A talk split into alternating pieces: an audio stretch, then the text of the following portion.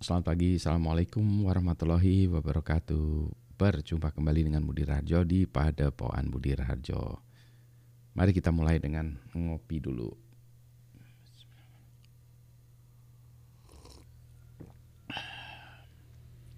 Wih sedap juga nih kopinya.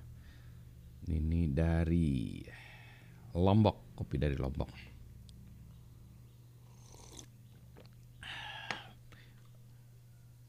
topik kita kali ini pagi ini adalah campur-campur. Ini jam setengah tujuh pagi. Jadi ini harus memulai dengan uh, pagi sekali karena uh, hari ini saya akan menjadi juri hari kedua menjadi juri di hackathon AEOT.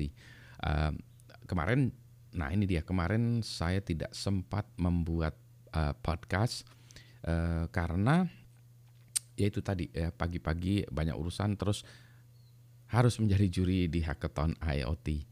Gitu ya. Jadi ceritanya udah itu. Tadinya oke okay lah pagi nggak bisa mau siang. Eh siang ada meeting. Uh, dan seterusnya acara dan seterusnya sampai akhirnya sampai malam lewat nggak terbuat. Jadi kemarin adalah hari tidak ada uh, vlog atau podcast.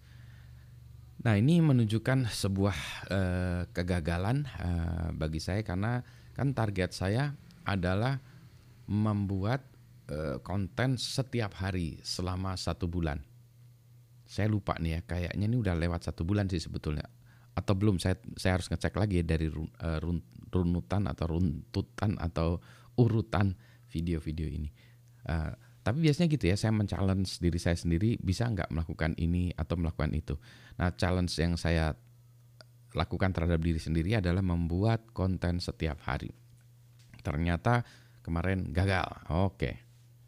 Gagal juga bukan uh, konten ini uh, apa kalau uh, berhasil tidak ada hadiahnya, kalau gagal juga tidak ada apa hukumannya gitu ya. Cuma kan namanya juga berusaha ya. Jadi itu untuk mencari-mencari supaya saya tidak mencari alasan-alasan untuk tidak melakukannya.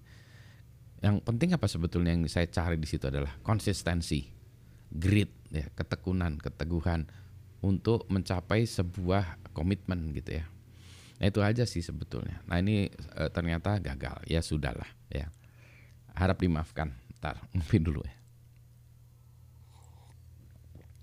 Mengenai kontennya sendiri, nah sedikit cerita tentang e, perlombaan-perlombaan gitu ya yang e, di mana saya menjadi juri. Ada perlombaan tentang e, teknologi, ada perlombaan tentang e, e, entrepreneurship ya startup Uh, kali ini uh, hackathonnya itu tentang uh, IoT, Internet of Things.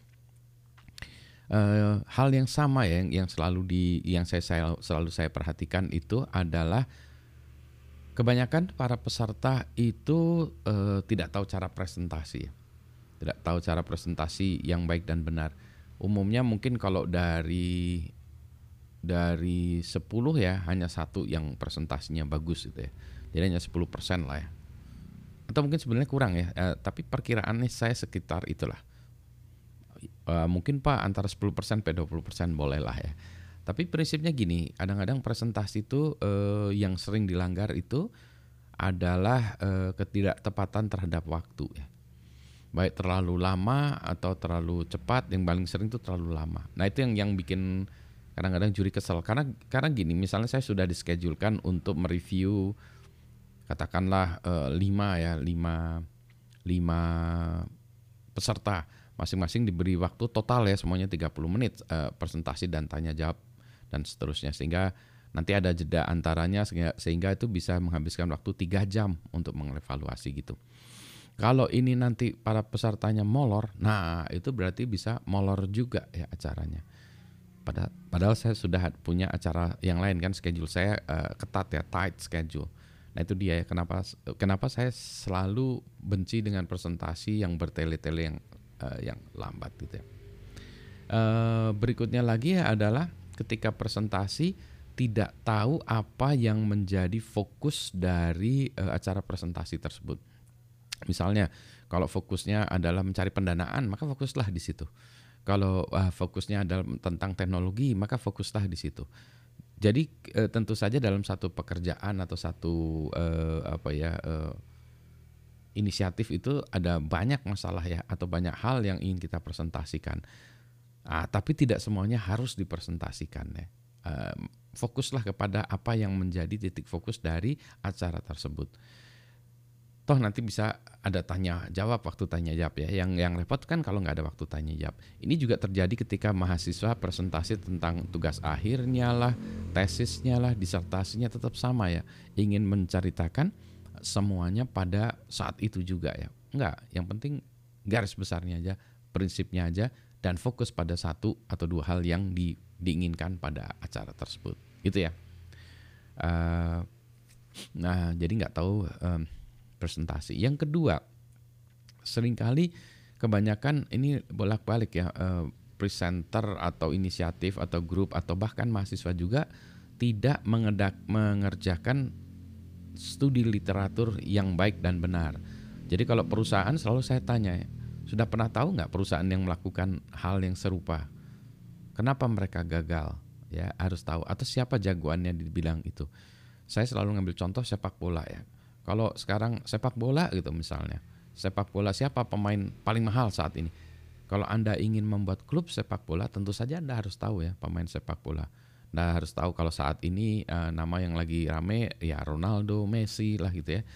Uh, coba sebutkan nama pemain yang terkenal saat ini. Nah, demikian juga ketika Anda sedang melakukan penelitian ya, baik itu mau bentuknya bisnis lah ataupun uh, penelitian di kampus juga sama siapa jagoan di bidang Anda itu, siapa yang membau rekso, siapa ininya mbahnya di bidang itu ya.